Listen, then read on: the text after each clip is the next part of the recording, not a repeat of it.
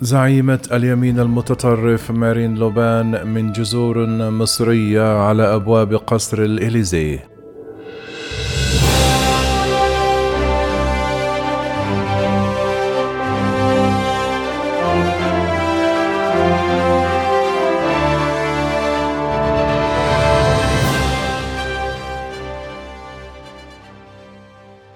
جددت مرشحة اليمين الفرنسي المتطرف في الانتخابات الرئاسية الجارية ماري لوبان رواياتها السابقة عن امتداد جذور عائلتها إلى مصر وأكدت الرواية التي تطرقت إليها بشيء من التفصيل هذه المرة شهادات خبراء ومواقع أنساب حيث شددوا على أن لوبان ابنة عائلة ممتدة عاشت شرق المتوسط نهايات القرن التاسع عشر ومطلع القرن العشرين.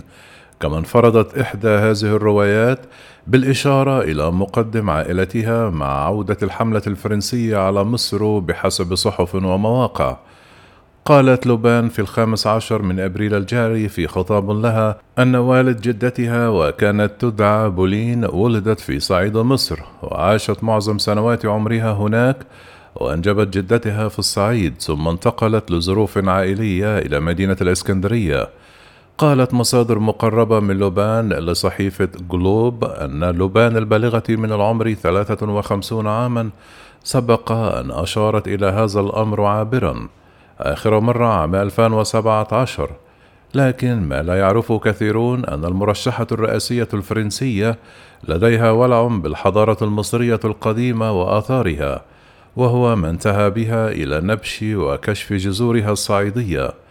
قال الباحث الفرنسي جين ميل للصحيفة أن ما ذكرته لوبان عن أصولها المصرية يعود إلى الوجود الفرنسي الذي كان متعاظما في الشرق في بدايات القرن الثامن عشر عندما كان الفرنسيون مغرمين وقتها بالتجارة وجمع الأموال والاكتشافات الأثرية.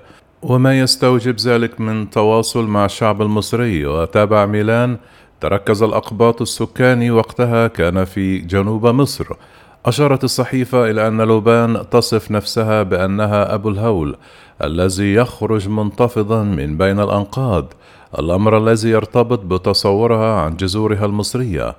قال خبير الأنساب الفرنسي جان لوين أن جدة لوبان تنحدر من عائلة تنتشر جذورها في تونس والجزائر ومصر وقد تزوج أفرادها بإيطاليين ويهود وعرب وأن جدة لوبان تزوجت عام 1907 بقائد أشغال في حظائر فرنسية. وأكد موقع جيبربرت المعني بالأصول العائلية الفرنسية أن بولين ولدتها في مصر وجدتها تدعى بيريت لالان وقدمت بالفعل من جنوب مصر.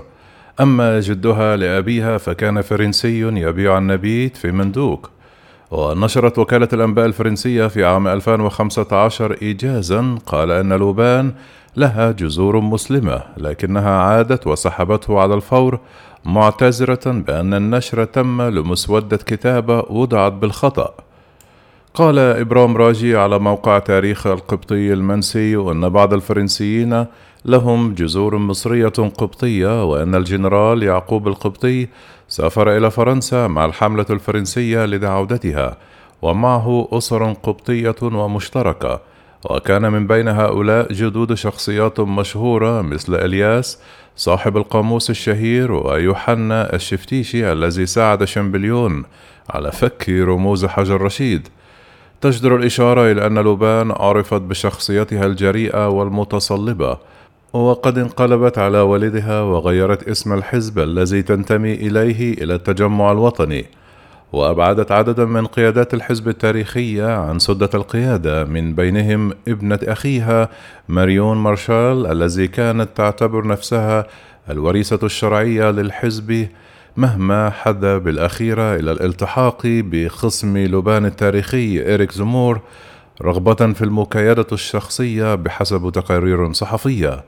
يذكر أن موقع أوست فرانس أورد في تقرير له عن سيرة لوبان الذاتية بمناسبة الانتخابات أن المرشحة الرئاسية ولدت عام 1968 ووالدها هو جان ماري لوبان مؤسس الجبهة الوطنية في فرنسا ووالدتها بيريت لوبان وقد انفصل الزوجان بعد فترة ارتباط قصيرة وأن ماري لوبان درست القانون ثم عملت في المحاماة وتولت رئاسة الجبهة الوطنية بدل أبيها كما أنها خاضت انتخابات عام 2017 وحصلت فقط على 18% من الأصوات.